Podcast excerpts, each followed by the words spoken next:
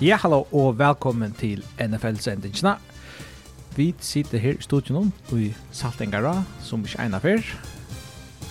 NFL-sendingen er, som, som sagt, så er hun mye kvöld til han 21, og vi er endsendt av Rastvei, og hun kommer reisende ut av, av Spotify. Vi er med studiet, her vi Peter Hansen og Agnar Presta av telefonene, Vi har fått program i dag. Vi skulle grava ner i NSC Playoff Race som faktisk ser mer spennende ut enn jeg grann før, så timingen hun passer perfekt. Så her er en kristra til oss om og eisen Luka bria vid noen tøyndon. Til det, um, hva sier Peter? Til eisen er noe annet som er viktig til det, at nå blir det fancy playoffs. Og Packers rundt. Ja. Jeg vant at det var bria vi tøynd. Nei, ja, playoff vi bare vi. Ja. Og det var alt trutcher. Ja, ja. Jeg og Agnar møter hverandre, nemlig han. Mm. Og så vet ikke vinner spille mot der, eller, eller hva, men, men det er nå å pusher til ordentlig han i, i fancy. Nå blir det spennende. Ja, det er nå det blir Ja, det er det. Playoff. Jeg føler ordentlig at, at presset og å sette line-up er omgatt du blir større. Jeg er ordentlig nervøsere. Altså, det er ikke verre enn at uh, man, man vil skreft, og så også man Hatta kostar mer eller. Ja, är nu är det vi nog vinn och försvinn. Ja. Fitt uh, viknar Arden tar klara men så vi och någon uh, och någon tärp eller bara ett vojmon. Uh, men inte nu. Nu ska man vinna för att uh, ända första plats. Så det pressar. Tror vi det här var next year som vi skulle ta oss om lugga för eller jag tog in don eh ta player vi ska igen det vet inte om vi tar några andra som som står som heter så vikna men eh jag noterar mer eh några vad tänk och i i det snön mellan Texans och Broncos så för Tankdale han breit breit bein fibula. I dag med annars öde väl amerikaner tar skriva alltid de alltså facknönder för att lyssna inte det pratar mer väl. Ja, annars måste jag kanske att fibula kat här mäster och katera förskott men det liksom ta på såna sunna sina ben. Det lilla ben jag vet. Ska ska sprotta va? Eh så han är ute för Arre. Så det är tre misser för för Texans Sean det att Tarra man kan säga bästa eller annars bästa receiver han han förut Og i Saints så er Derek Carr, han er en concussion protocol. James Winston, han kom, kom inn og han, han gjør det han gjør det fint faktisk, men um, jeg synes det var samt om uh, Derek Carr så vi at vi heter vikskiftet, eller eller ikke, men det får jeg da sånn. Uh, en mer alvorlig quarterback-greie, det er Kenny Pickett, som får ut vi en noen uh, økla skia, og han vil så i alle fall ikke vi i annakvalt mot Patriots, og møveligvis vil han ut langere. Det er mest fjallig som, uh, som stiller som knappt har standard, altså som jo i at det er uh, wildcard races som er veldig intenst i, i AFC, at man mister sin, sin quarterback. Ja, vi tar som det sørste vik, att uh, Stiller sier nog ska ha en chans att komma og gjøre, men uh, jag vill säga att han chansen är mycket av øyene vi pikket ut det, och Trubisky som quarterback. Jeg du at, at Glopp er størst med der bare? Ja, uh, alltså det är så så hack hackra nivå är är större vi alltså är är bättre vi pickar ett mån till Bayer har ganska lucka lockt bottennivå vet jag lugga sagt. Där sen har vann det styr från från picket ösnen det är han så det är väl inte bättre men han är ösnen vänner vi offense more han finns more första halts reps så det har väl det mätt det har blir till er en till er möter Ja, alltså jag hade alltså Pickett är en öliga konservativ quarterback jag. Det kanske är det som är Ricka så han är väl alltså fyra år. Sex touchdowns, fyra interceptions. Alltså han kastar sex touchdowns i år. Eh 2000 passing yards. Det är inte väldigt like, imponerande men men det är ganska mat man har valt att spela på och alltså offensive ju väldigt flickvande just Steelers men men det är ju just att Trubisky är bättre men jag vet inte om om, om det är sån it's alltså inte en sån uh, season defining ska jag alltså cha just det där det tycker väl att det är uh, alltså utliten är nökelunda det som Charlton med tycker picket är vet bättre. Jo jo. Trubisky men tycker utliten vi är är att att alltså komma kan wildcard han är där. Och Ryan att ja. Ja jag vill säga. Det tar hött och vi tog det schedule så vi går och hon är få in och ta bort det Trubisky just kunna klara. Eh tävant jag lukar men oddsna hade varit bättre vi picket. Så har vi en annan skia, en säsong innan skia på, eller två skia i, i, i Jaguars. Um, Christian Kirk, alla helst ut för Are. Då säger jag var kanske en chans att han kommer in efter i en annan Arno. Ja, det är som att tänka sig. Som tänker sig viknar som där. Ett djupt playoff run. Så ganska. Ja, men uh, men det det är rejsen igen. Alltså, det syns som att ska vi tänkte alla. Alltså Christian Kirk är ja, han og Kevin Ridley er liksom toppreceiveren i Bayard Fires, hvis et A og B, vil de sagt. Eh, jeg missa han er, er øyeligen uh, kjelet. Altså, her, man hever ærer spelare av offense. Altså, man hever igjen, man hever Evan Ingram som manglar sin step upp. Så det ger sin mer till Ingram också, ja? Ja, det kan det. Och det ger till Ridley, no, alltså är klosch nummer ett på ett nu, tjata imon. Och så hever du hinner. säger Jones till Dömes. Ja.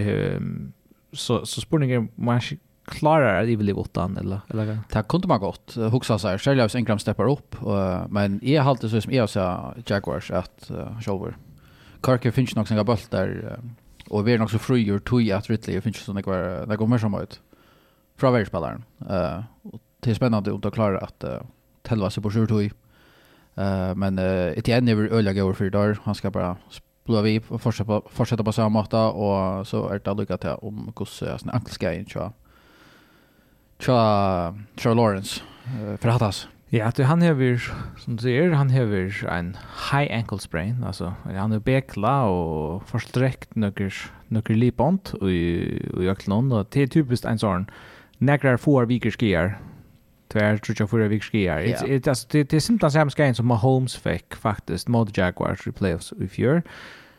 Eh men Mahomes borde inte ha spalt på att han ska igen alltså som han var men men eftersom det är playoffs så är det för, så är det det första när.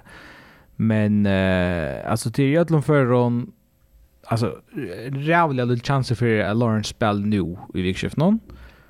Och så är spårningen hur så lunch han så sitter ute. Ehm um, jeg vil trykka en stempel tver, tver trutjar, max fyra dyster. Men det er bare det at bare nu, så er er det att vi var inne i systerviket, det är så tatta. Alltså man har Browns, Ravens, där nästa tar Disney.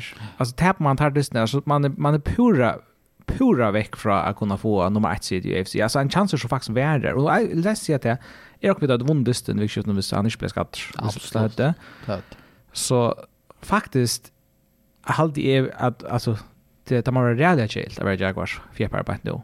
Ja. Bara det det jag syns ju att Kappengar i färre men det bara att här moner runt att hemon och hava nummer 1 kanske eller 2 sit och mot la blod nummer 4 är rejält stor halt det. Det är det.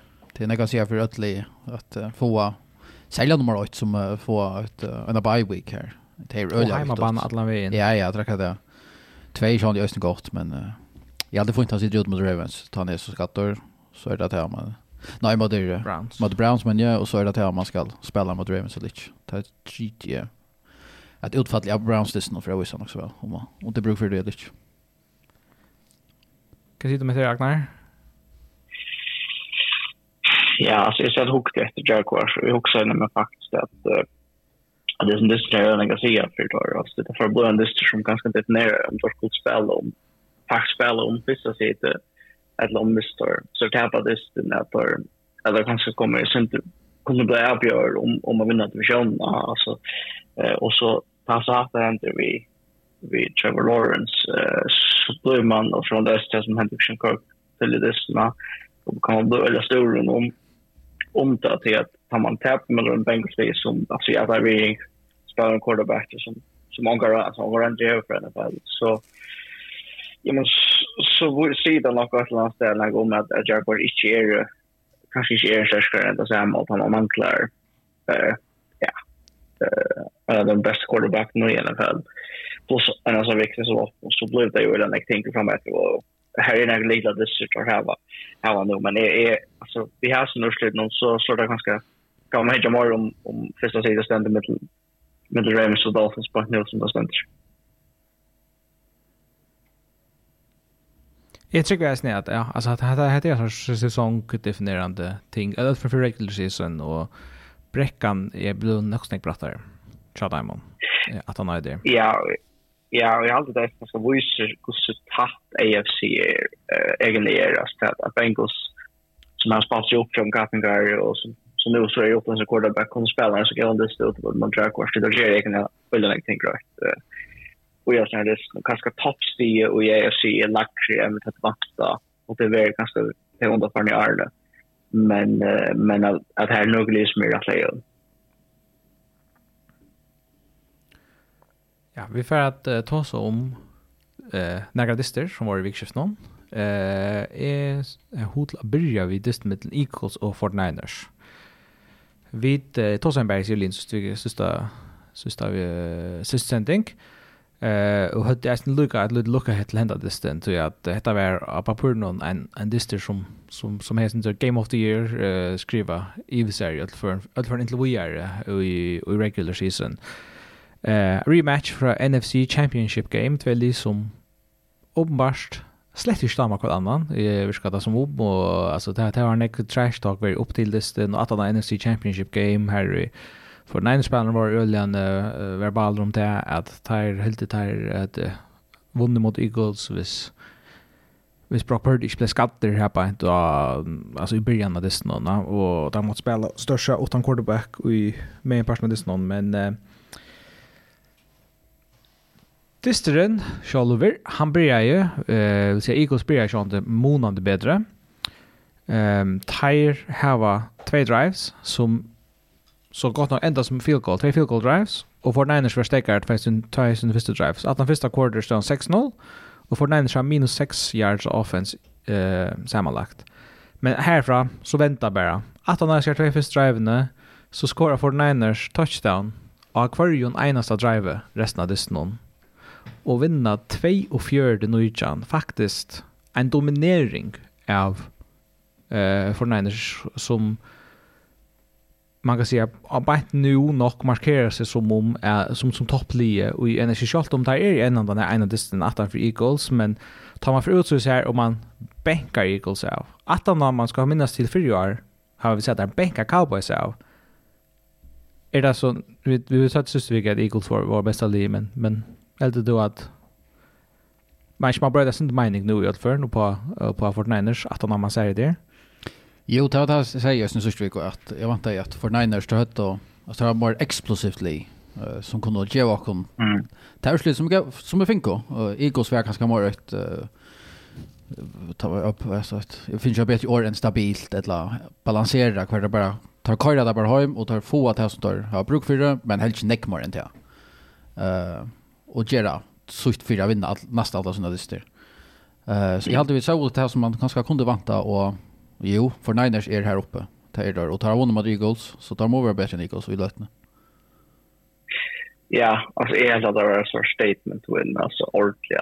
Eh så vi där sen när vi kommer in till det så där för nu och eh alltså kan man säga lägga in i AFC som jag vant att kunna kanske på om man går på Super Bowl alltså Dolphins och och Bills Lions och och Bay av tapp det har Cowboys av varit nu.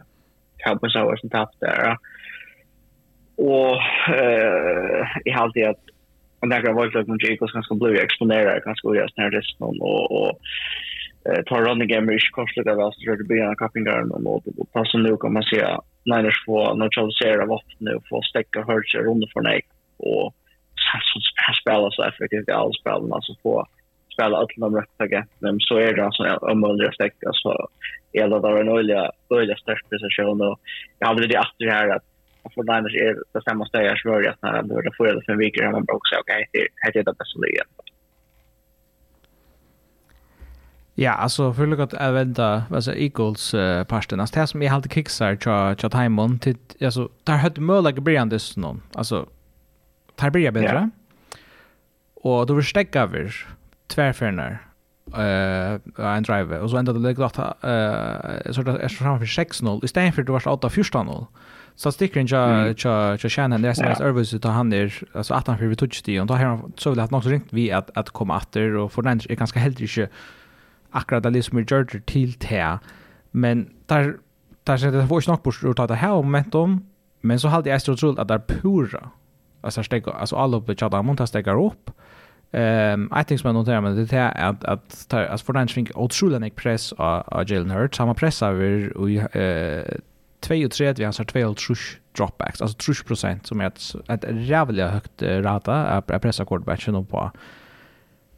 Ehm um, så det är nog inte utan grund att att att alla på dem så strutter så ser och det är faktiskt isne alltså det är som styrken hur very equals det är nämligen väldigt det vinna i trenches.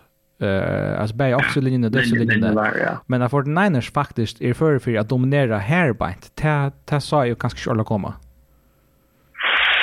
Nej, men det är Nick Bosa då, alltså det, det, det, är bara...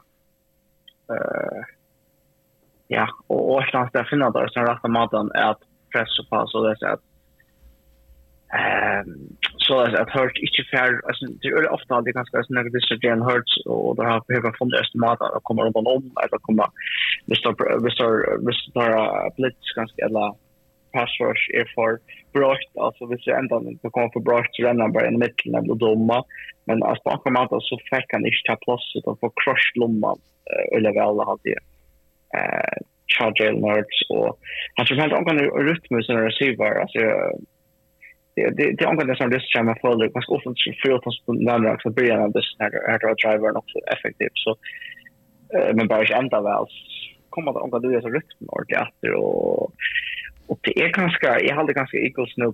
Jag har ju man sa där också med Buffalo och så faktiskt vinner men minns om det är Buffalo och bättre nog så en par så det så att jag kanske tar jag vill få shit så att gå och sammanhang det så samman och och och ta det så helt faktiskt helt inte med drop nu av in om man får kalla det det så så det är ganska nära som några ting som då kan lära ut för det som ser annorlunda Ja, eh, men jag får, jag får lycka vänta till huvudpersonen här vi håller kalla. Jag vill ju känna till att att att Debo Samuel spelade en öl öl övergående faktiskt. Det gjorde han alltså 116 yards, två touchdown och det var sån länk touchdown runs. Alltså eh Debo Samuel han dukkar sin inte uh, i form han är verkligen dock uppe där så det snär för för för Niners så och och etablerar sig efter som är helt annars Ayuk som Marius my en wide receiver men men det är så att Debo han börjar att vara att träpa men Brock Purdy Ehm för att ta att diskussionerna. Jag hodla väntan av Lucindra MVP-prata. 314 yards och 4 touchdowns. Och han spelar en största feilforendist har vi jo kallat det. Och ett ensatsik som hade varit imponerande.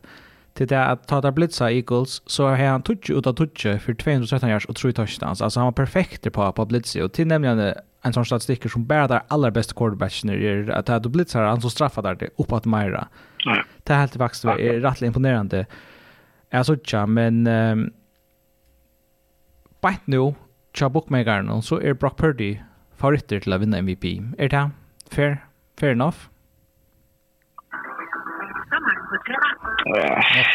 Det var ikke, altså, jeg, jeg husker, altså, jeg har syntes ringt vi, altså, det er jo, man är alltså alltid att det är alltså som är nog större favoriter att vinna och och det är ganska parstar med sån Arnold och man också okej okay, Lamar Jackson som han spelar på ett nu eh ehm Jalen Hurts som han spelat spelat för några veckor sedan kanske alltså är, är det kanske akkurat han som är top content där men men jag har ju ordentligt några några andra quarterbacks som har spelat för åtta, så två ganska dyster han spelar också alltså det tror jag tappar tror det snälla så och har andra minst rätt spel för det rätta väl men det tappar lugg Men men han får också en där spalt nästan felfritt och Och tacka man det spel vi känner att det är för en spelare som man är om man så inte gott någon en MVP jag hade det eller tror på att säga en jag tror inte att den nästa vecka när jag har bjöd på att ta ta playoff uh, sittningarna skulle komma på uh, men men jag syns riktigt att välja en annan quarterback uh, som det nu. Alltså när Sean det är så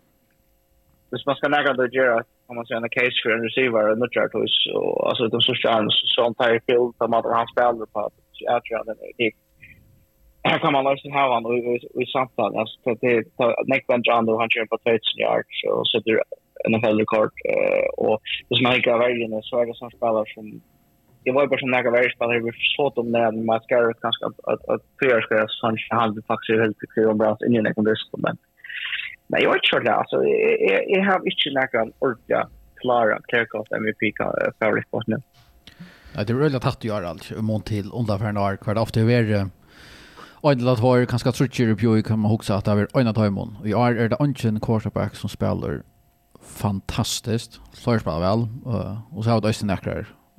Receiver och och defense som spelar fint och så tar det öliga spännande jag vet att för vinner jag Brock Purdy har absolut en chans du ser ju han är för att köpa bookmakern nästan men som Magnar säger så här är hela ösnen ett öliga gott på. Det är halt nämligen att man borde haft en kategori för det bästa quarterback och så och, och så bäst annars. Alltså till att det här Gerda Morgan ja, är färdigt då till att quarterbacken för alltid är det viktigast för ett liv. Eller ja, man har ju offensive player of the year. Ja, ja. Ja, men tar vi det ofta nummer tar vi det han åkte vunda sig hemma.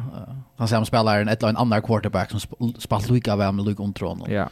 Men det måste ju helt haft en reward för för att höjda tar som inte spelar quarterback som faktiskt har varit gott där. Ja. Det är ju det allra bästa. Vi menar det. Alltså jag har två varje spelare som hittat på det är alltså Mascar i Cleveland och och Michael Parsons eh och så kanske en som Bosa som kan eh nej nej TJ Watt kanske färdiga så så tror jag att han är så viktig för Steelers men det är kanske inte av något hårt att har det sagt ok, att det är någon att komma i samtalen. Men det är en av de barn när man har man en mån till näkt för år när man finns i NFL man inte vill säga att värst för en quarterback som bara skär i ligan och sånt. Det var helt lugnt stått in i så steg vi en CJ Stroud med ett annat som som som är en time näst som var uppe vi och vi tar sig en Jalen Hurts Ehm jag vill också lust mer om det så vi kan hooka mer ett just Char Char Brock Purdy. Alltså han är nummer 6 i NFL i passing yards, nummer 4 i NFL i alltså han har 3000 och 105 passing yards, 32 touchdowns och 6 interceptions. Och han nummer 1 i passer rating, faktiskt väl nummer 1 yeah. på 116 passer rating som är fenomenalt. Det är jävligt högt. Alltså det är MVP-tull han häver. Eh uh, och jag har ringt via Jana case meira för en annan quarterback. Och den som vi nämnde amerikanska milen det är Dak Prescott på ett nu. Jag, jag måste säga, jag såg inte, jag såg inte att, att, att Dak är framför uh, Brock Purdy du skulle jag ment för det, och hin som han nämner att han för det Jalen Hurts. Brock Purdy hur vunnit alltså han, han spalt med på linjen och utspalt Boardwire Men så kommer ja. ner till kanske kanskje seating, och och alltså ja, alltså vis alltså på dag kan inte munne vara blå MVP vis han är wildcard seat. Det, det, det, det hade ju inte är er, är rätt ett sövliga. Men uh, hvis det er blå nummer ett seat eller två seat, så, så kommer vi ha diskusjoner. Men, men det tycker faktiskt att det är resten nøklund avgjørende hva for seat man ender. Men jeg vil att at att at Moine bænt nu, så skal annan quarterback, så halde CJ Stroud det sterskaste argumentet av nøkron quarterback, anna enn Brock Purdy, men at er pura samtroi at Tyreek Hill for meg er saman vi, altså for meg er sånn som at a race mellom Tyreek og Brock Purdy. Og hvis Dolphins mm. klarar at Lømmes å få nummer ett side, et eller tatt på det, og han bryter alle rekordene, altså man skal, man skal helst ikke langere etter enn til Adrian Peterson. Han vann MVP, ta i, han rusher för över 2000 yards, och Mundesli single season rushing rekordene.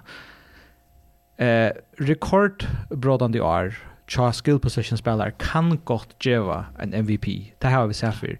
Varje spelare hemma inte hade bara det är uh, Eh Lawrence Taylor som är just det. Ja, Giants i två forskel lika det är. Så det här ska man redan inte efter tog in till och till Rash allsamt. men det är trick vi att att Tyreek Hill har case by no men vill säga se att ja Hvis tingene det brøytast nær, nær om hver vik. Yeah. Hvis uh, Dak mm. ut og spiller fantastisk mot Eagles og sitter tar på posisjonen her på, så kan det være ikke gjort annet, eller hvis Jalen Hurts gjør det, og Brock Purdy spiller ringende i sted. Ja, but... Det bare sier, bare nå er det redan riktig å si jeg kan vite her. Du kan sagt i Esten, og vi tar seg om det siste vik, og da er det ikke Brock Purdy, men nå så husker jeg at man må ha han her, ordentlig. men det er det som alltid fra spørsmålet, så som om folk kan vi Brock Purdy, Det är nämligen att han er värmester irrelevant, och han spelar av en Fortniners-lige som nek suttjas som alltså det här var kostnader stjärnor mm. alltså alltså ordentliga goar Uh, det här för allt jag spökar sig som om folk så för jag säga alltså, är det väl han som spökar sig år? Eller är det Debo Samuels och Ayuk och Kittel och alltså, kan, man kan blå vi Hej, han var nummer, first round pick, så hej man inte haft det som spåren. Nej, nej, så så är det han, han är väl uh, top quarterback, uh, franchise, uh, framtiden och allt och nu kontrakt ganska långt och jag. Ja. Man börjar nog kanske efter off-season akkurat som du säger bättre att han är vid vattnet. Alltså, han blir också en aktiv argument mot Milton quarterback. ja Alltså, han är väl så, alltså, och, och här Per Mamma, han är ganska, alltså, jag vill säga han är den bästa running back i NFL. Uh, dual trash running back i NFL. Och han är väl häver, Tadibo Samuel är kanske bäst, och ganska en av bästa dual trash receiverna i NFL. Alltså, börjar renna och kasta och det är run after catch och Ayuk är ju ett väldigt störst target som kan spela eller att Sörle Kjellskap George Kittle inte just spelare eller vad det är. Eller skulle vara som kommer där men han är sin eller alla de tight ender och så är man alltså gå linje att det så här är det är tät serie av det så kanske argument mot honom. Eh men det var ju kanske man ska alltså det var snäcka quarterbacks eller nej quarterbacks som har haft gått och vunnit ja så så det är syndrom tvär så är det alltid och är halt alltid att att just San Francisco för några stad att all på för är det bara komplement och för det bästa spelare extremt effektivt och ja och och några vatten som som bara kommer ge ski alla varje så så ja alltså att att det ska vara vi samtal för det är halt alltid ju i effekt Man kan bara tacka samman om och säga att det är ett overall gottly. Fortniners. Niners, ja. Alltså Niners är, är Super Bowl favoriter jag har aldrig att han kan vara några i. Nej, det är inte så gärna gärna bara nu. Men uh, tack mycket till och jag är om man har slöt det men uh, vi ska nå den nästa distan. Eisne, uh, Arne kom her til, og til er disteren i middelen Texans og Broncos, som uh, enda i 22 sejan til Texans, tvei li som begge tvei lowe, og inn i wildcard race i AFC, som er øyelig tatt. Um, för att uh, göra stort som är det någon så man kan texta svärda bättre le blir jag uh, distan uh, vi uh, lägger sig 8 uh, 13 tror i highlights någon och så ehm komma Broncos är så det blir narkast att göra halvlek. Ändå där men några tänker på att alltså tar skorat ett touchdown ett längt touchdown från Russell Wilson till Cortland Sutton som reducerar till 16 touch och så får där bollen att bena vägen. Mm Men så kastar Russell Wilson en öde chill interception som ger ett uh, instant red zone possession till Texans. Här tar tacka fyra och skåra uh, touchdown til Sjøda 22-22. Broncos svär så atter 22-16. Få bulten att beina vägen. Och en ena för Russell Wilson interception att driva någon. noen. Linje skifter som her, eller alltså nei, Texans tar hava stort drive og geva atter Broncos bulten og i endan distan her vi det vi det siste minutten der. Så driva der opp og her enda vi hava et first and goal og yard linjen der vi omlai ein minutt etter. Men ta enda vi av third and goal at Russell Wilson kastar ein nutjan interception. Så man kan se at Broncos hødde trutja fyrna bulten i Ørnholleitje. Vi møleika fire, eller ikke si åtta, og til aller sust møleikan en vinna distan. Men öll Tatry Drivesen enda vi ett interception av Russell Wilson.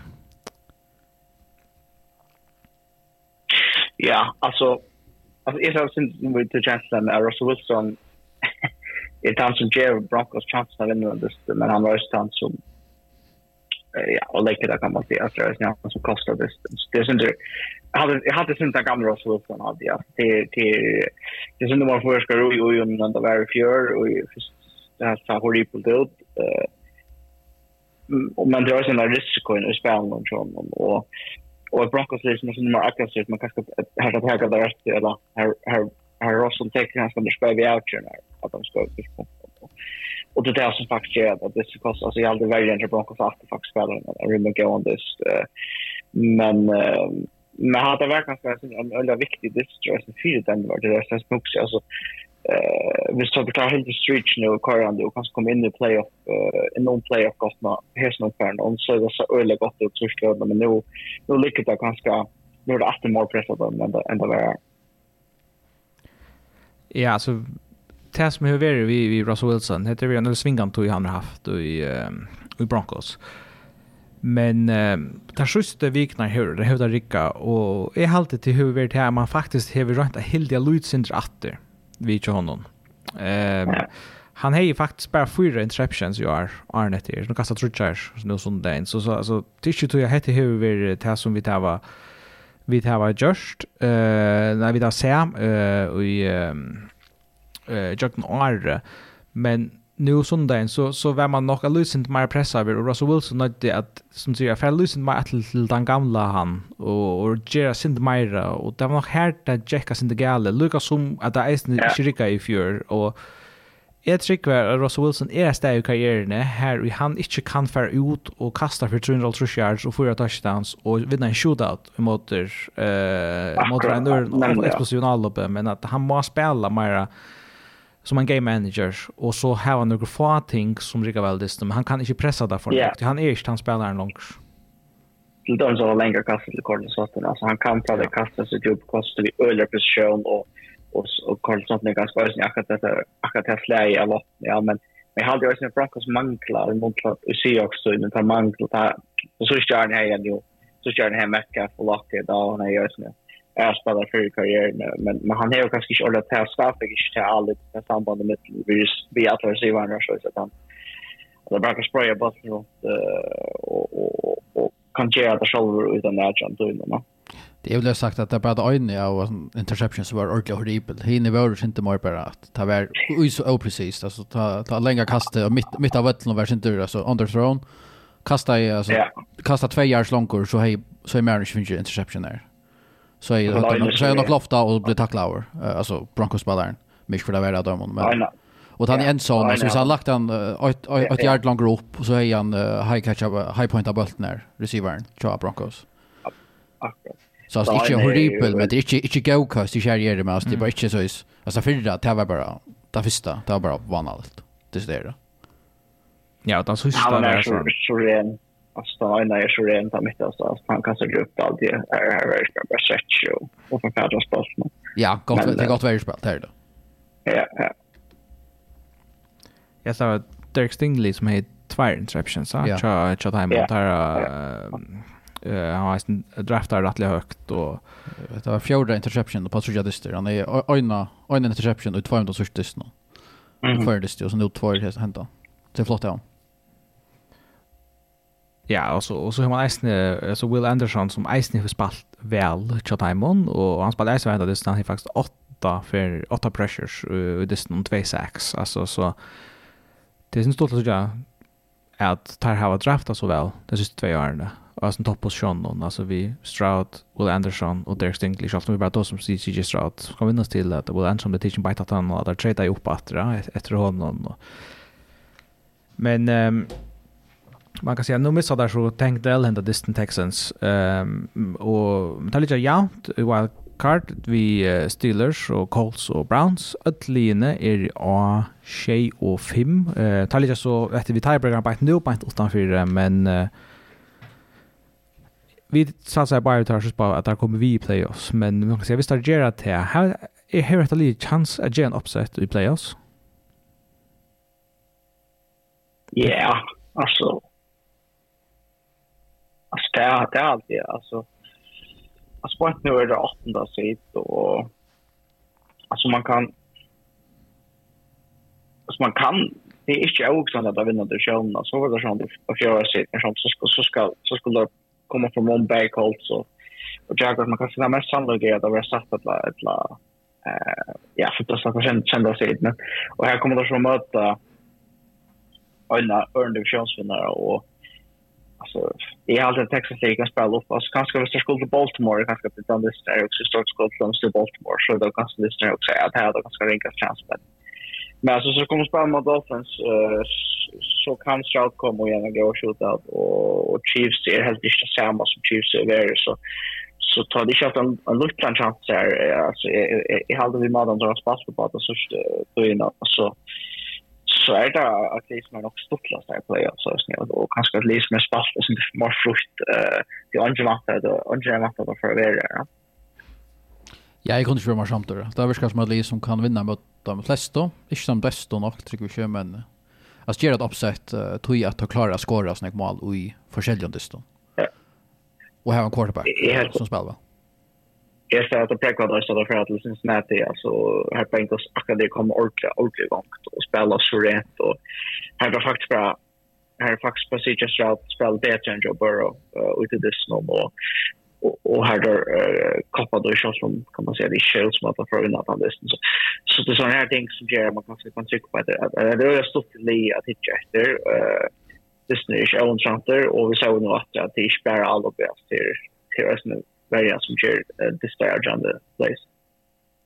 Alltså det är så i ordla hopp i vi i playoffs. Alltså allt gott om, om Browns och Colts och Steelers. Det, Ehm alltså det kan inte Irvis Lee är där men men Texans är en sort high flying explosive offense. Och är nummer 1 i NFL passing yards. Alltså så ser just out det är helt otroligt där och och en av de rätta den någon så alltså jag hade ju lige ett med väl att möta i, i playoffs. Mm. Det heter ikke vers. Tror jag att man nämligen, alltså kan han för att score 40 i Modric i Modric en, en av topplinjen så, så blir allt till. Alltså Men så i hoppet där för för NFL alltså som käppare och ja, det är intressant där att, att divisionen är fast i reach där på endast att han för Jaguars och nu vi nämnde ju att skenar tja tja tja Lawrence Eisner för skilla där vis vis tar detta helt ur och ända nya wildcard spot knappt igen så så är det helt andra slöa vid Texans knappt han hemmabana börjar vi. Alltså tack tack tack han bröt alla sin där.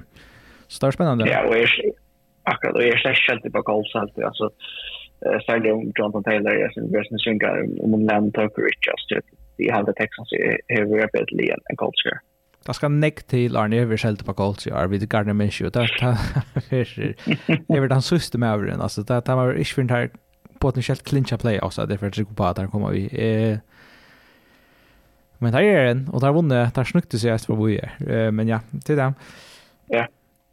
Nå, vi får lukka at tåsa om um, distance som var Sunday night fot uh, fotball mellan Packers og Chiefs. Uh, Chiefs var jo nok så grei for det der Arne Distin, og jeg så helt for meg at jeg får få det helt store av Bjørnsene mot Packers, men uh, Packers tar hala, hala syren ut i 22-19, og För det tar samma om han distan så man säger Packers blir bättre. Ehm tar för att två touchdowns så blir vi Chiefs vi stäcka er tvärför så hålls de första sex. Ehm så skiftas linjen om att skåra men det följer att oss om det sista distan. Chiefs har bollen 5 minuter efter och är 18 för 24 nu igen och så kastar man Holmes en en nock så close that interception helt edaver. Eh som gjør Packers en stuttan bana, heller så øker Lesla til 21 men vi 1 minutt og 90 sekunder etter. Så det sista, sista drivet var bare rent kaos. Altså, og dommerne var rene involveret her på en tvist. Var det så at roughing, eller unnecessary roughness penalty på Mahomes, som er ikke helt vært rett. Jeg har... Tar ikke rett rett. Altså, ikke. Det kan vi, altså. Nei, altså, vi kan jo gjøre det, det var rett rett. Han renner ut, men han vil takle over inbounds Alltså han har fått ner över rakterhärsta. Alltså det liksom, hvis du inte kan tackla när när kan du så taktas.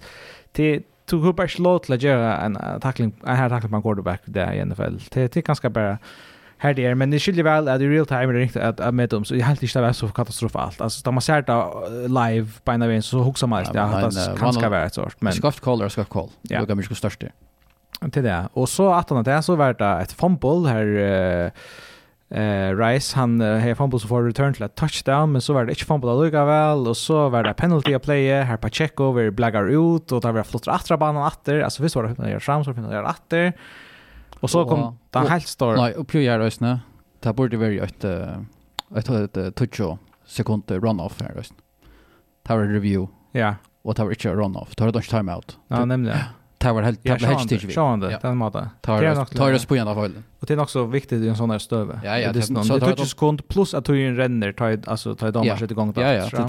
Och tar men tar in blir inte renna och tar håll 20 sekunder efter istället för 40 och börjar. det. Ja.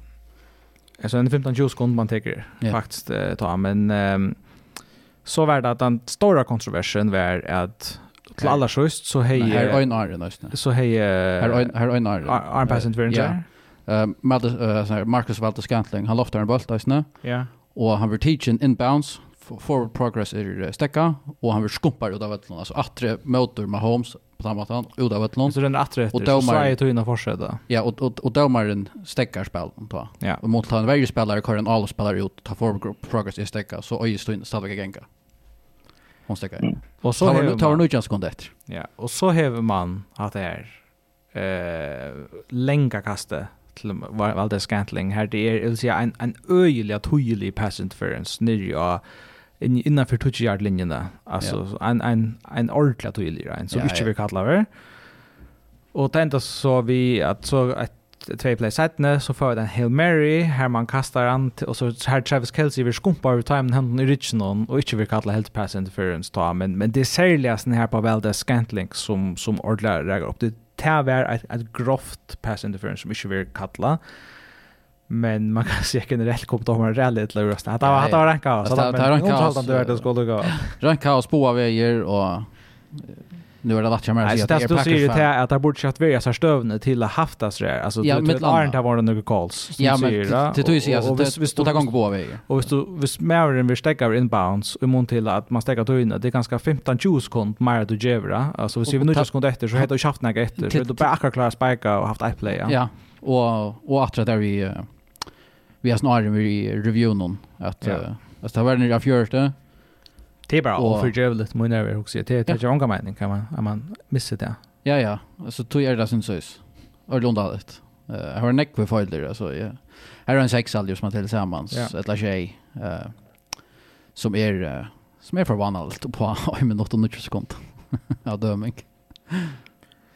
Men Packers vann då. Ja, och slit är så där som du säger. Packers vinner. Ehm eh en en dist som Tower Bedrin Chiefs ja. hända det stund och, och Jordan Love var var den bättre quarterbacken av ett nice men alltså han han kommer stäva 200 yards tre touchdowns så så för lucka ta som Packers ska ta ha ha lot läs nästan som positiv positiva distans till till ehm alltså jag hoppas på alltså Packers nu lutar där jant i wildcard race arbete. Är det tror du på att här kommer vi i playoffs?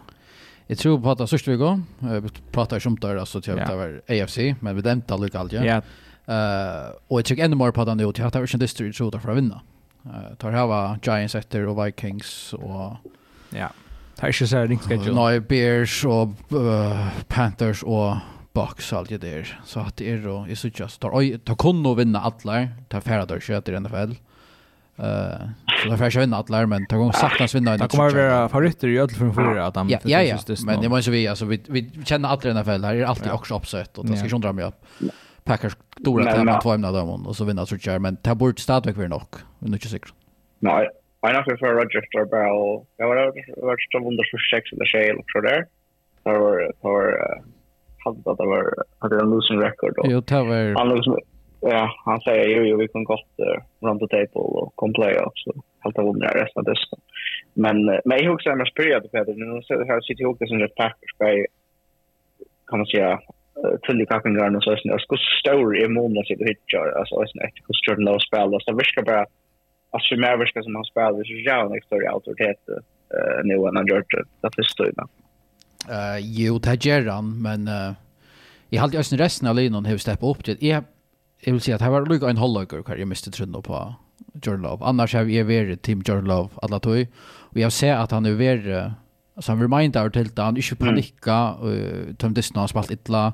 Han är rönt så ut och spalt han har inte spalt väl alla Disney. Han är ju kastat för stort i mitten och finns ju interceptions och på att jag kvar hvis han är just alltså rakt mannen så är jag finns jag touchdown och skora och kanske vunnit Disney.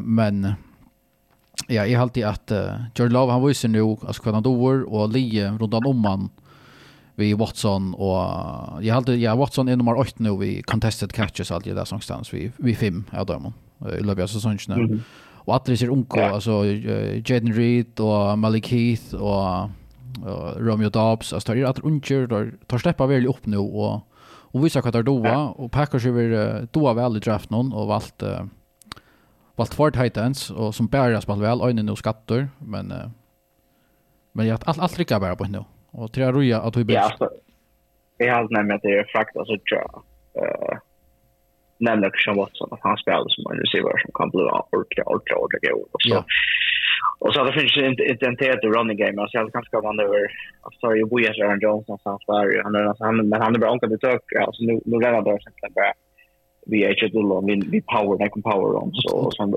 så little dragon spell och det tacklar ju faktiskt va. Och det var det som jag hade manglat sälja i början av Arnold. Det var att alltså running game var för one alert och att Aaron Jones var skattor och Dylan fick alltså han fick ta vanliga vill jag sagt men alltså han för jag från kom i kontakt med honom så så att han gör och då fick han 3 4 yards. Nu särskilt det sista att han att han alltså i hest det någon yoga en tvärför och bultra jack någon och fick Lucas i två ega yards när att han blev tacklad till att han blackade sig fram efter och han klarar i Luka att han blev stäckare som spelare Arnold men han klarade bläcka sig fram. Och till Georgian inte början Arnold till öliga viktigt och nu har det funnit här att just att läsa running routes vid receiver någon till att ha funnit några spits där här i draften någon gör akkurat akkurat och det är ju allt hjälp Jordan Love som Det la för en av under början helt det. Och sälja att receivern inte lofta tar bollen och tar. som blir kastat till där. Jag var nog kritisk om om att att alltså är helt det att sannsynligvis för det inte vara så jävla gott vi gör lov och och tror jag ska helt göra på att få komma playoffs här på och Eh jag hade inte startat hantera allt så väl omkring maten när draft han och har helt han alin här på inte på men men han är ju raska med alltså Sean det hade hade gjort annat första armast arsch där att att det näck dyster som är skor men men vi det som jag men vi det som jag allt man hickar efter till löterna för jag löter sarsto här är också ordla gott och eisen att är marska så Sean det hinner lötnar där ringer lötnar och och där blir jag bara switcha mer och mer av snär wow faktorn att här är faktiskt näck att arbeta vi i John Love alltså Så Sean det här är längt efter och för att, att han ska flytta sig fram emot det här som, alltså nu har man ju Aaron Rodgers i Nekvar och Aaron Rodgers är en av de ganska fem bästa quarterbacks nägrant. Alltså det så Jordan Love, alltså, alltså han, han kommer nog aldrig här upp. Det tycker jag inte på. Det det kvarteret här. Men att vara god nog till att vara starting quarterback och kanske att vara en contender men det är ganska det här skriftet som som den söker till men men för nu och för framtiden så så har han nog Atlas där visst nog till att att man ska trycka på han i alla fall ett år framåt och ganska längre. Absolut. Så här han är vår bush tas man skall tas man tycker inte bättre än vanta. Eh till att det alltid ta kollektiva lier som vi säger spelar bättre än man kanske vanta tog att det är så inte. Vi svarar inte efter records i vår gosse ungt Packers lier och gosse ungt Sarli plea spela.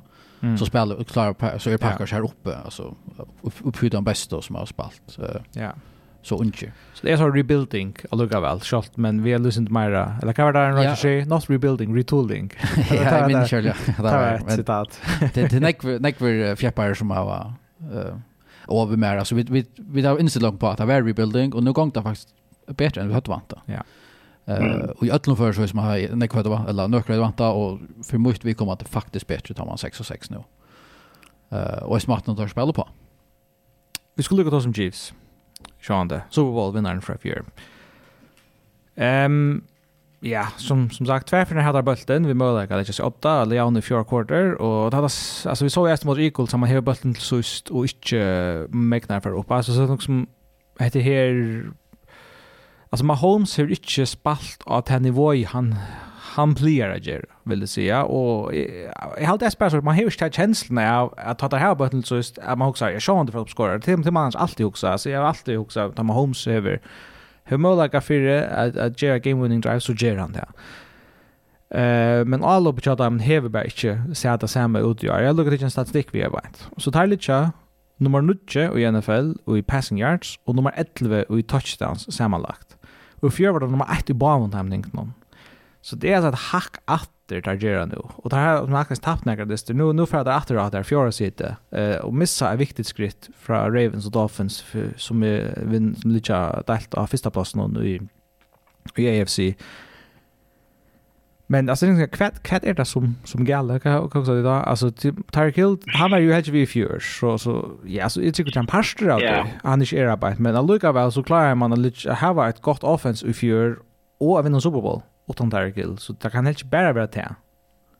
Nej, men altså, jeg tror kanskje ikke også bedre gjør, så att ta ta tatt på. Jag står synes som om at akkurat dyster, jag hadde gått av at Oregon year men selv akkurat dyster fjør, jag var också også, okej, att prata skulle jag avgjøre, så funnet har bare alt det ut, altså, vi har alt det her, det som er Raiders, så hadde fyra touchdown catches jandest og skjuta det strand. Men, men det är så artigt, men så var det ösnen ganska, alltså, Alltså man har ju kanske man har ju kanske valt att skriva receiver att lägga hem man inte kanske jag tycker till att som Josh Drive kan bli en order eller lägga receiver upp med men man ska se chans som jag tror.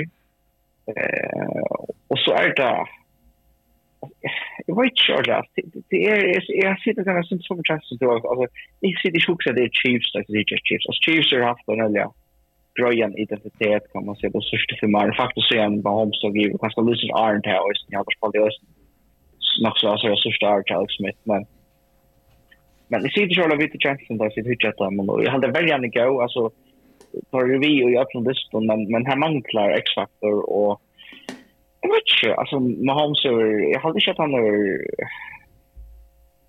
man kan säga han släka och det har alltid inte alltså jag har det verkar som att det allt som man läser och så är det på samma fokus men Jeg vet ikke, det er akkurat som ikke rikker, og til sånn det østene som hentet ut at dine vergener tar roa seg om, så sitter jeg kan det størst på stekka, og, og her er det med landet, mitt land er et natt li og bedre stekka travskalt, og kommer til å vende at til det her, så at jeg tøst på stedet, ofte spurte jeg, ja, men hvor klarer man seg på dekka travskalt, og det er aldri faktisk som det er sørst, og jeg har funnet bedre til. Man ska minnas att Travis Kelce är samma alder som Rob Gronkowski. That's us. Gronkowski är ju till längst han var då på någon. Alltså han är kommit upp och lugg i åren så så så kanske är han ju ett decline nice nu. Alltså Travis Kelce han är helt ju shows som en klart bästa tight end i, NFL eh som han heavy Josh. Alltså inte så länge far in the head för va. Ja, Hawkinson är ganska bästa tight end Ja, Alltså som ska vara klar. Ja. Men men jag är sant att jag har det på hunger som samma vi någon har tänkt och det är alltså varje när jag håller varje när jag är på nästa bättre så att säkert sig samma lag men det skulle helst men alltså glömma att över där bara så exempel och just just kommer någon playoffs så det är actually som man didn't say well eller något men men jag har sett inte ut att få hemma vad alla mina jobb som har haft professionellt så skärm och tackam blåster faktiskt Eh, sälja en stottland det där spelar mot Bills nästa vecka. Det här vill jag ska jag söka att vet alltså det här tar kommer vara fullt motiverade är sånt dist och det är klart där så att jag bounce back här. Vi ska inte göra det så så det är inte tecken på att det är något akkurat fundamentalt galet. Man nu ser för Chiefs hava sin sån down perioder och ja alltså man man är fem AFC Championship disters är det och kanske man inte alltid är toppmotiverad för att spela en regular season dist men man har lugat alltid vid vi. Men alltså jag tänker jag hotla highlighta. Ehm Ja, det är inte näka vi vi receiving core har tar spel nu väl. Men där har jag just mist Eric Bienemy. Tar offensive coordinator för Nick var och man har tåsa Nick om Bienemy och i mån till head coaching jobs i NFL. Och han har varit alltså att jag vill säga störst alltså ett absurd nivå i sig i mån till uh, head coaching jobs. Alltså du är så gale att alltså att att det nästan alltså man man misstänker att nästan när vi är en sån rasistisk nivå i att man fick ett mil någon här på ett det här som är inte klar för head coaching job. Det han säger det som är som offensive coordinator i Chiefs har varit helt otroligt gott. Och nu ser man så att han färden att alla betäkas de åter Och knappt så är Washington Commanders att Leon har en av top passing ja alltså offense with Sam Howell la alltså som är topp 5 i NFL i passing yards så så det är nog också ut ja alltså i fjör så tar samma nice om Josh Allen som är Mr. Brian Dayball. alltså så så jag hade det för att att vara säga att man har nog mist en också viktig en past alltså någon coaching staff i Eric Bienemy eh men he made, alltså jag hade Andy Reid han för han har ju eisen rykte som att vara en av bästa offensiva vänjaren någon. Är trick för det att tar få sorterat det och det ska nog gänga men men men det är alarmerande och och är alltså fra Chiefs fra vara det klart bästa liga i AFC. Alltså här helt inte tar är det bara nu. Alltså och tar komma att spela ett ett skritt 18 4 och kan kanske vara att han skulle jakstra hinner nu. Eh Du jeg trykker ikke på nummer ett sitt. Det trykker ikke det gjør, og det er interessant å sitte i playoffs. Men altså, det er 100%. Altså, det er chans, altså, en Superbowl alt det, og er en av klart alltså fem bäst linje i NFL. Det är inte vi om det, men men men det är bäst ordentligt att samma liksom som vi såg. Det sätter sig stjärn. Man Holmes är utevald i playoff. Tror inte aldrig tanke jag.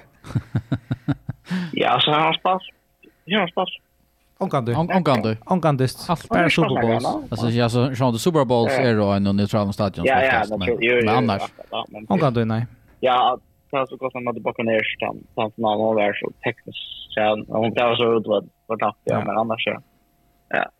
Onkan AFC playoff this spalt ut vad. Det är också så roligt.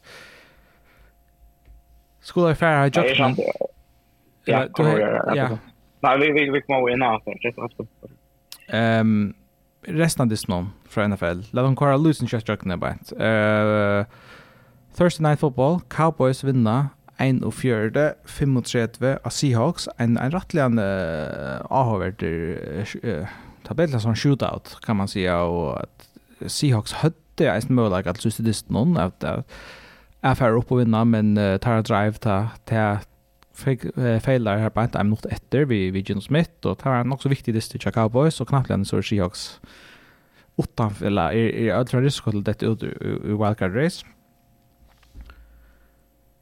Ehm Um, Sunnedagen, Chargers tar vinna 6-0 emot Patriots. Det är inte sån fantasy hello uh, hurra dyster. Uh, jag vet inte vad jag ska säga om, om uh, det är alltid löj, löj att sitta Ja. Alltså Patriots här där så just av alls i NFL och jag hade så lite charge score enn 6 stier sån det som at det er.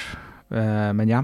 Det er vinner så hos alt en plexir og, men det er, er en lengt vekk och i AFC i AFC tyvärr eh det er annars at har varit lite etter, hadde jeg, men um, en annen som heter tvei playoff Lions vinner 3 och 8 og 20 en distrikt som nok var sin tattare enn han borde være, og det er alltid vel man kan si om nærkene som dyster til Lions, at det er, altså det er den der comeback-sieren mot Bears, for tvei må vi ikke det helt tapp mot Packers siste vike, det er lukka okkur som, altså... Saints lukka vi har fått attrest dysten, en tværfør.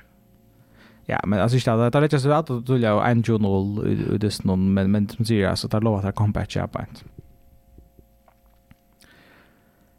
Jets tappa mot Falcons och hemmabana. Eh og nu vi det som at Tim Boyle er han hon hon värden äntligen. Jag blir alltid när jag minns att jag vill är så jag vill inte sucha Tim Boyle on and jag skulle inte mer är det. Alltså jag eller Jag har bara fortällt ting som jag känner Tim Boyle. Alltså Tim Boyle i college football spalte hej hej en career record. Han kastade ett touchdown. Han spalte 3 år college football. Han kastade ett touchdown og 13 interceptions, og han har mye 35 passing yards per game. Alltså, det är alltså det är eländig stats. Och, så långt han varit i NFL? Han har varit i NFL i fyra år. Då är alltså, gosse, och yeah. sen, alltså, jag känner inte gosse, för, för det är gosse Maron hur fortsatt vi har spalt college football i röver, men gosse hon han näkrar nu kom in i NFL. Jag börjar vi, alltså gosse han han har kommit in i en sort practice squad, eller 90-man roster, men alltså att han så man bara säger Tim Boyle, han vill jag gärna ha som tre third string quarterback och nej, vi får starta han från Zach Wilson. Alltså, kvar helt det, är vant att jag för rycka i Jets. Alltså, det är nästan absurd för mig att, att alltså, sån spelare tar, tar, tar få löjv till att spela i NFL. Det är, så galet kan det inte vara vid quarterbacks i världen. Att Tim Boyle må vara mitt där bästa. Ja, ja. Ja, men han kom in till Packers och, och han spelade väl i preseason och han spelade sin i preseason då i när och och var bara att lägga och så ja bara bara hänga och och men det, ja men här är det nästan en quarterback som startar med också jag hade ju en NFL startar quarterback jag hade gått med Jake Browning som som tänkte pick var jag man kan väl spela i NFL eh eh nu om måndag night men nej alltså jag skulle på lite jet jet och det är så fram om Zach Wilson inte vill komma in efter och man skulle ta mig backar för Tim Boyle så skulle man det också väl Han är ju vad jag kan ta det att det är med det här med också alltså nu börjar man efter Rodgers Harris det här med också annars som gäller så kan ni spara det så man måste så linjen är helt snöga och här next thing och jag var så på sala med få och offensiv guru in på framåt förstår ju bättre ja alltså att det någon så på en det jet jobb Jag tycker han är risk för att jag missar, missar sitt jobb att han har för, men det kan samma en Rodgers Ja, och så om värjan blev via spela väl alltså så. Ja. Så trick vi kanske drar åt håll vi en där så att. Ehm för den nästa distans Steelers har tappat det hemma bara mot Cardinals och sånt det så här det var rain delay like att det var alltså han blev väl skacka över. Sånt eh det torslott. Ja. Ja. Eh så han han blev sån sorts förskotten in i sidna parts vindeja eller så där men Så det gick faktiskt okej. Eh uh, sitter ikke etter, men tar, tar tabba nok så greit, uh, som sagt, Kenny Pickett för att skia, men uh, Childis ikke timen er at tabba, og det är så inte gott det det är noen. Uh, Colts Titans for Ivetøy, her Colts vunnet 31-28, det var faktisk en reelle underholdende styr, um, altså, Titans tar... Uh, borde nok, eller hadde øyne jeg mulighet å vinne disten, eller jeg helt helt fornemmelse at han får stav i noen. Uh, Colts hadde tvei blocked punt. Area, oppislø. og det ene var, man kan kalla det for blocked punt, altså han, han han blockade bollen Iron Panther nådde sparskan. alltså faktiskt alltså men han släppte bulten ner så kom han att lukka vi han bara tog han upp va. Jag vet inte bait vem det ut touch den nej åt den där touchen första. Ja. Det tar där fingrar bulten. Det är det är dåligt för så alltså så så jag tycker vi att Titans måste att det här tar borde vunnit den.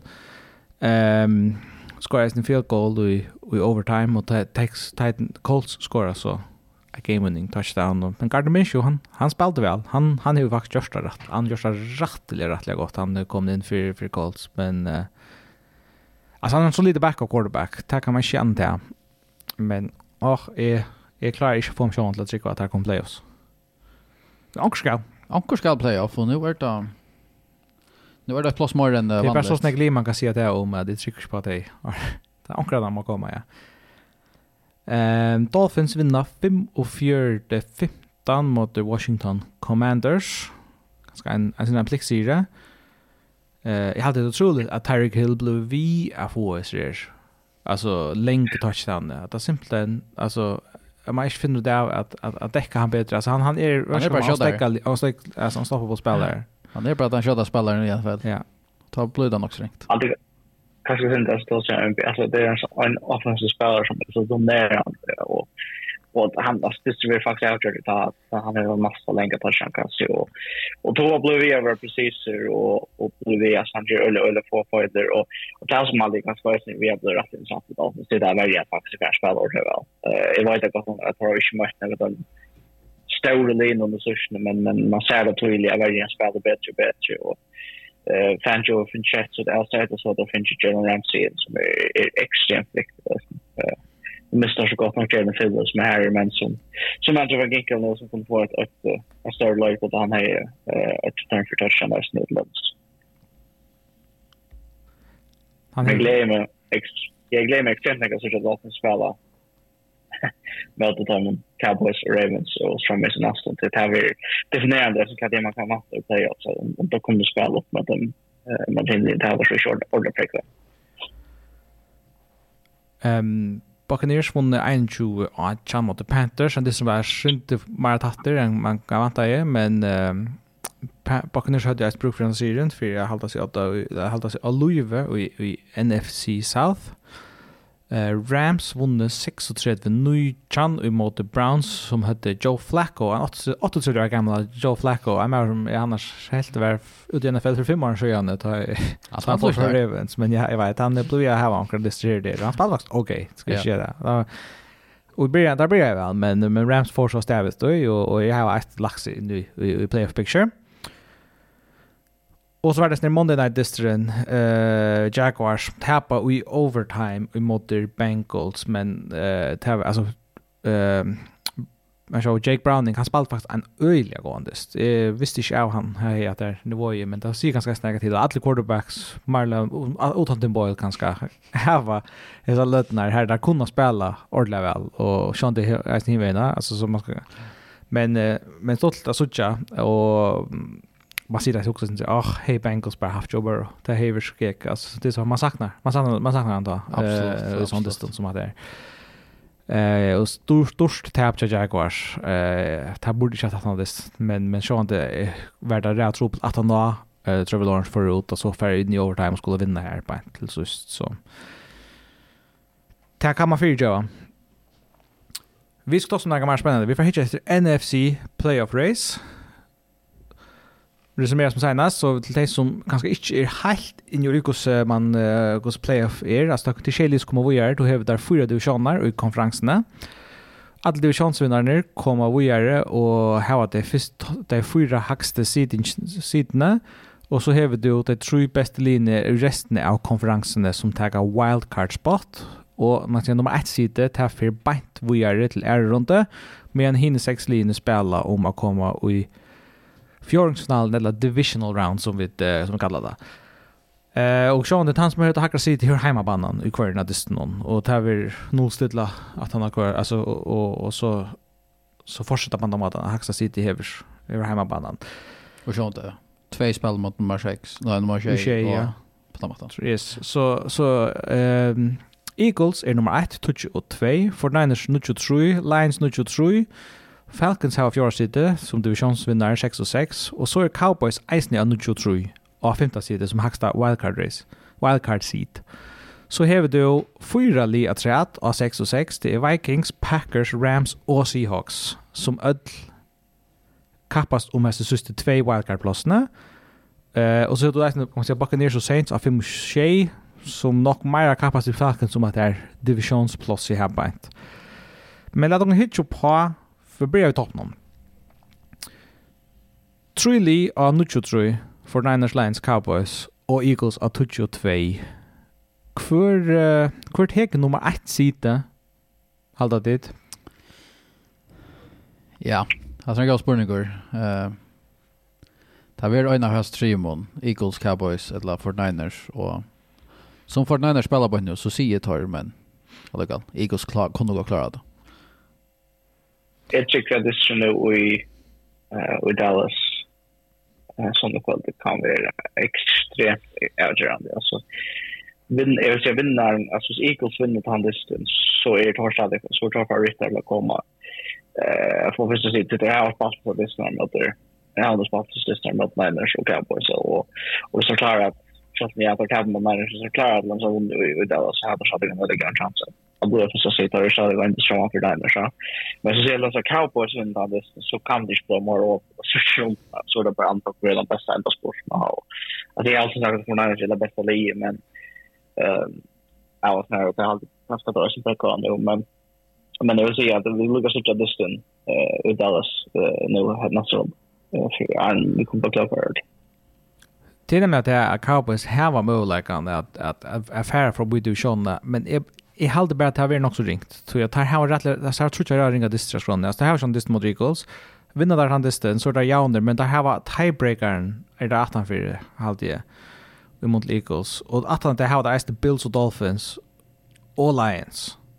Då är alltså det är nästan just annat det och så där det Commanders till så just. Alltså nästan fyra Disney är öjliga tropler. Så Jeg tryggver ikke at her vinner divisjonene. I Montla Eagles har han noen månende latterlister. Altså der har Cowboys, så Seahawks, og så Giants, Cardinals, at Cowboys. Giants, tverrfyrene. Um, så jeg tryggver det som blir interessant ved disten. Det blir nemlig at det om Eagles tapende disten. Tøy er at så har vi potensialet for kaos, og det er det som er stolt. Mm 49ers hvis tar vinner mot Seahawks så så är så kommer Tarjo kan man se upp här bänt och häva tiebreakern och emot Eagles. Men hvis Lions eisne vinner så har vi en three way tie. Och så så är det att bara där. Så så så är det sån här head to head match matchup inte så avgörande knappt långt och så ända vi ut i några helt öron scenarion alltså så så det kan blåsa inte akvarium men alltså ta ta hitchet Så vill säga att jag är att Eagles och 49ers har en schedule. Alltså nog Eagles är vet lättare schedule än 49ers har. 49ers har en Ravens efter och så har har där Seahawks och Rams som bägge två kapas som wildcard spots och i divisions alltså man kan alltid tappa i sådant det lättliga. Alltså ja. Så det ligger nog mer till Eagles gör det.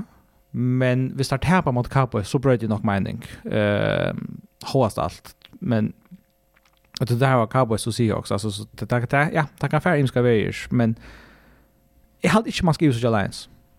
Just nu. Uh, Lions har Bears, Broncos, Vikings, Cowboys och Vikings. Tvärfina Vikings. Um, det är inte så rävliga tropeldister nödvändigtvis. Och det här kunde gått blanda sig och göra det. Uh, och huxande och täcka nummer ett sida. Eller kanske man säger nummer två sida. Så, så, så blir det rättliga spännande. ja, det är spännande. Ja, det är, alltså jag alltid det är, är det intressant att man häver att man häver en så stark kontakt på NFC. Alltså vi snackar ganska om Björnek och jag som sagt tillgängskapningarna att AFC-toppen ganska vara stärskare. så som man sa för Niners som ganska alla stärskare li av allt. Men, men det är ju ganska nu att toppen nu i eh och NFC är, är bra och fast stärskare och för att vi hade gått man skulle vinna och sen lite det snön och och så var det men jag hade det rally sant och så jag har hade Celine skulle mot för några att för när skulle mot Ravens ta Cowboys för så ser det där också den ja det är nu vad vi kommer så jag kan man säga eh för kan vi det bestämt stanna och ofta för mig blev det ofta en en go mental park kvitta Cowboys i Super Bowl det är ofta att det skulle räka sig det att ta på under drösnon och helt att höra dörren så fotboll kan man se och att att Seattle kan komma in till Dallas och skora 35 steg. Efter den också självkande själv om det är imponerande. Att Dallas skor i 40 så var det ganska många självkande att se och skora snäck och se och som borde vunnit på listan så så då Seattle kan klara det här så klarar Eagles sannolikt också det. Vi tar sig om 49ers som, som tar toppliga, så, så, så det här var vi ganska att lära att att Tyre Mover är styrst som heter som det bästa li och i ödel för natten har så är performance där har just i mot Eagles just vecka och my stick där vi hade att där där bänka Cowboys och har slick Cowboys ut det två sist i iron i playoffs. Så så så där har var en edge över över time linon. Ehm men är det så för Niners och så Eagles Lions Cowboys och en bunch för sig eller hur såg det lika som styrst förhållandena? Ja, alltså jag är rakt med att att man är känner så bra på det och så tar tar jag kan kan skriva så det bärs kan ligga upp då och det kör vara quarterbacken eh som så vart har vi backa quarterbacken som det ska tro i championship this men det är så som knäcka där alltså eh det ser ju till att man kan det ska tro också där så så har vi tar som favorit att komma Super Bowl och NFC och så för att vinna Super Bowl. Och så där så väl coached eh men jag kan väl att Eagles har första sidan som det står in i andra. Det ligger ganska sin bättre Eagles. Jag ska till front om de vinner och i Dallas nu sälja. Så så tror kan det gå för sin lös scenario och jag ganska få rematch av en NFC Championship. Det är för mig det största scenario. Allt Cowboys och Lions är spännande men, men inte no special utfordrar Shamalak till att, uh, att uh, ta tacka Super Bowl plus för från Lions eller Eagles. Jag är på samtidigt. Jag att Lions tar av vuxna kan vara uh, i søndagene som ikke gjør det lukka sterskere som hæser. Uh, hæsser tror jeg. Uh, jeg vil si at det er stadigvæk også Østnyr vanligere enn en Cowboys, som i halvtid har vært en bedre stabilitet i hvert lige. Men skal man trykke på at det er kunda?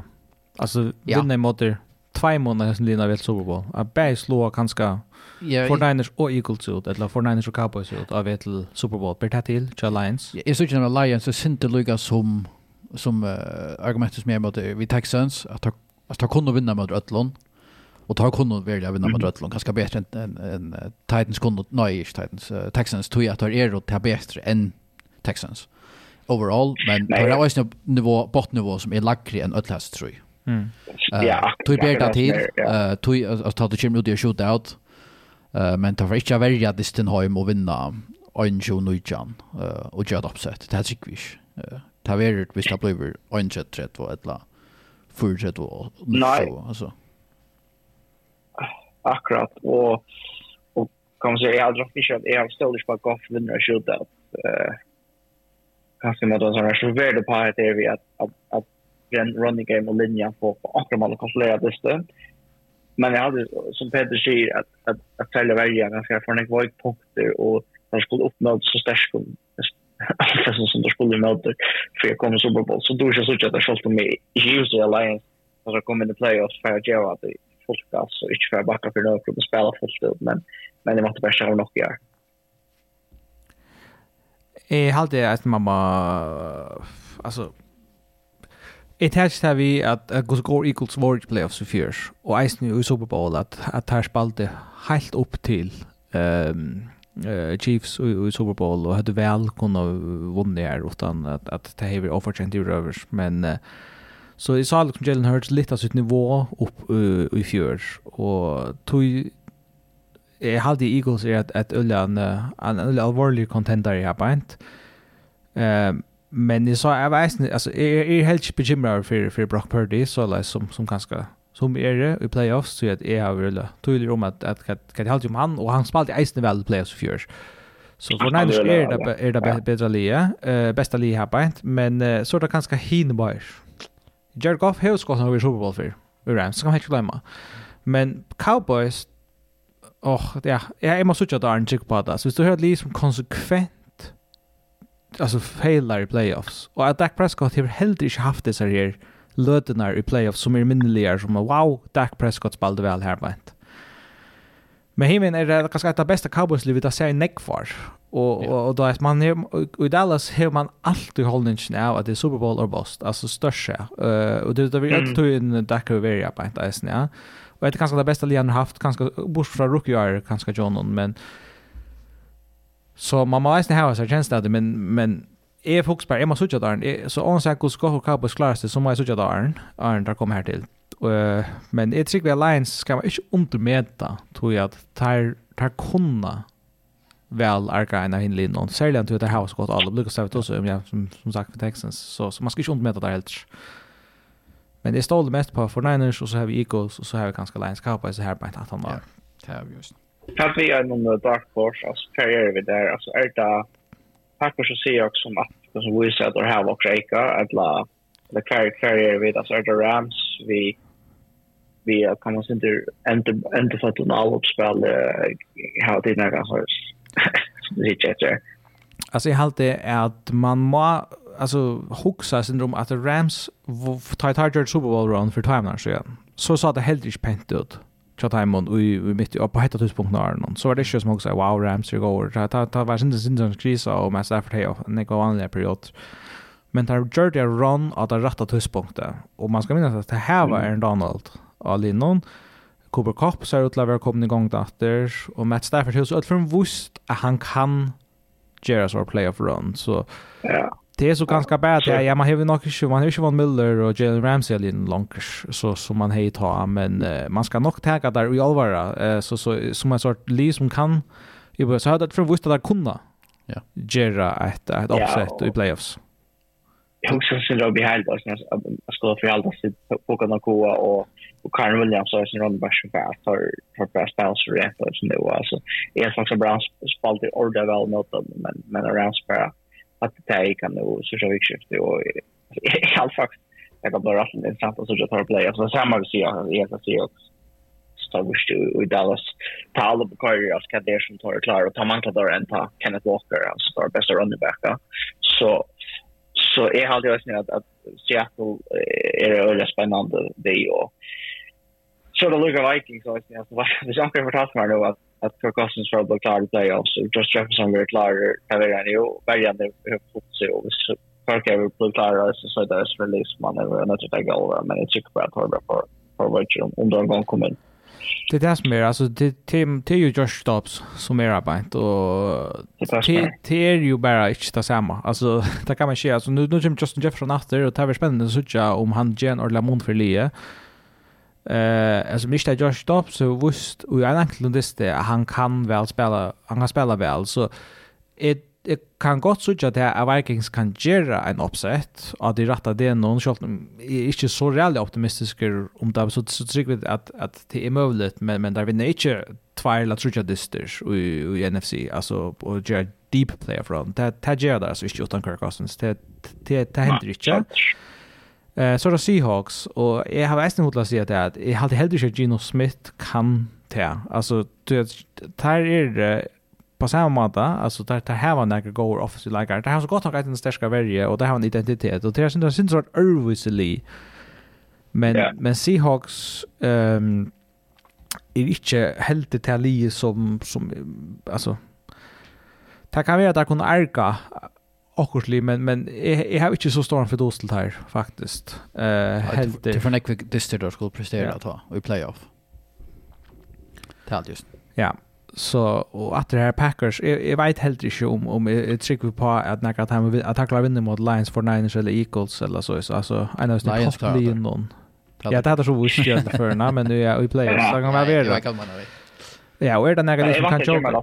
Ja jag jag jag vet inte hur upset alltså akkurat upset i halta det linje som är popular som är komplett är för girls sen till each up eller det är så gå att det kommer vinna och och här för fire white lag att den åttan sig för Cisco sälja till att att det kommer tappa så jag vet inte hur också också något skulle Jo alltså jag vill se alltså bara vi sitter här och lukar touch packer så vi står fortsätta att ta gångna där vi är nu i utrustadister så då är väl alltså tjata men alltså så skulle det prestera väl i nästa 50 snart Packers har alltså en klosta lättaste schedule. Jag var snäll innan. Eh vi är det. Det Har en rest åtland this week sage mot Vikings som kan vara också agerande men alltså klosta lättaste schedule.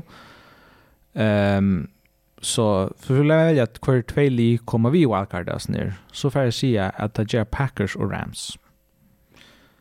Ehm ja, vad säger du? Alltså, Brian, alltså Eagles Ja, ja, ja. ja alltså ja, i ja, uh, wildcard race, alltså Vikings, Packers, Rams, Seahawks. Två av dem kom playoffs.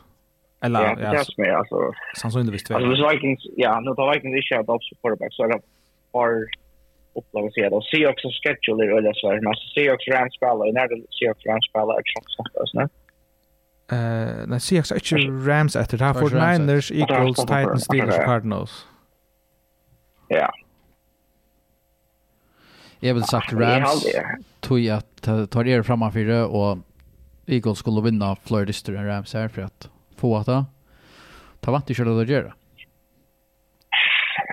Ja, jag har aldrig aldrig har riktigt för sig också. Jag hade inte bara över på på det toppen men eh men jag tycker samtidigt Packers är dock kanske speciellt så där är nämligen bara nu och så James Stitches med Packers och Vikings så har Packers mer på nu.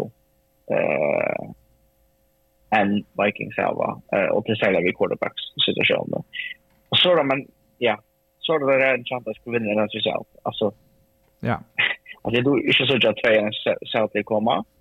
Eh nej jag jag har jag har startat ett bostad på att Buccaneers är starka så det är just Falcons ser framför på nu. Så så är det också i Tampa som som som säger att att att jag hade tagit det bästa av de skiljer. Mm är samtidigt på ända. Alltså Baker Mayfield är den bästa quarterbacken av bänt och han häver resten där. Alltså det bästa vapnen där. Alltså Mike Evans har spalt väl och tar running game Rashid White har varit gott och och, och här är några väldigt spelare så är halt jag startar det bättre lige av times som är efter. Det tycker inte på Saints och Men alltså, jag Falcons har så visst att potentiellt att vinna när nästa någon men att jag startar quarterback play är bara inte något gott. Nej, det Nej, det är det inte. Och, och här är också vi off, alltså madan, det är inte, det är inte, får inte allt sett ordentligt upp, alltså mot, nu Bishar Rockensson har haft några stöd i sig men men jag vet inte ordentligt. Men det här är så väldigt spännande, jag vet inte att det är Åkesson, du och dig, det styr och genom sig att ha några bana. Det har det har förstått att följa oss nu.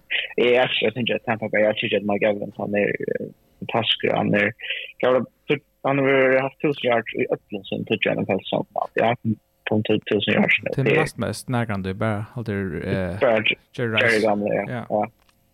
Ja, det är det är väl. Det är, så man kan inte se att han har haft sådana quarterback att han sen har man inte. Så att man har haft Brady på den här så. Hatt av turen tjokken for i kvöld. Vi må runde av. Takk for det at det lortet vi. Og som, som sagt, sendingen hun kommer ut av, av Spotify. Og vi drar etter i neste vike vi neste sending.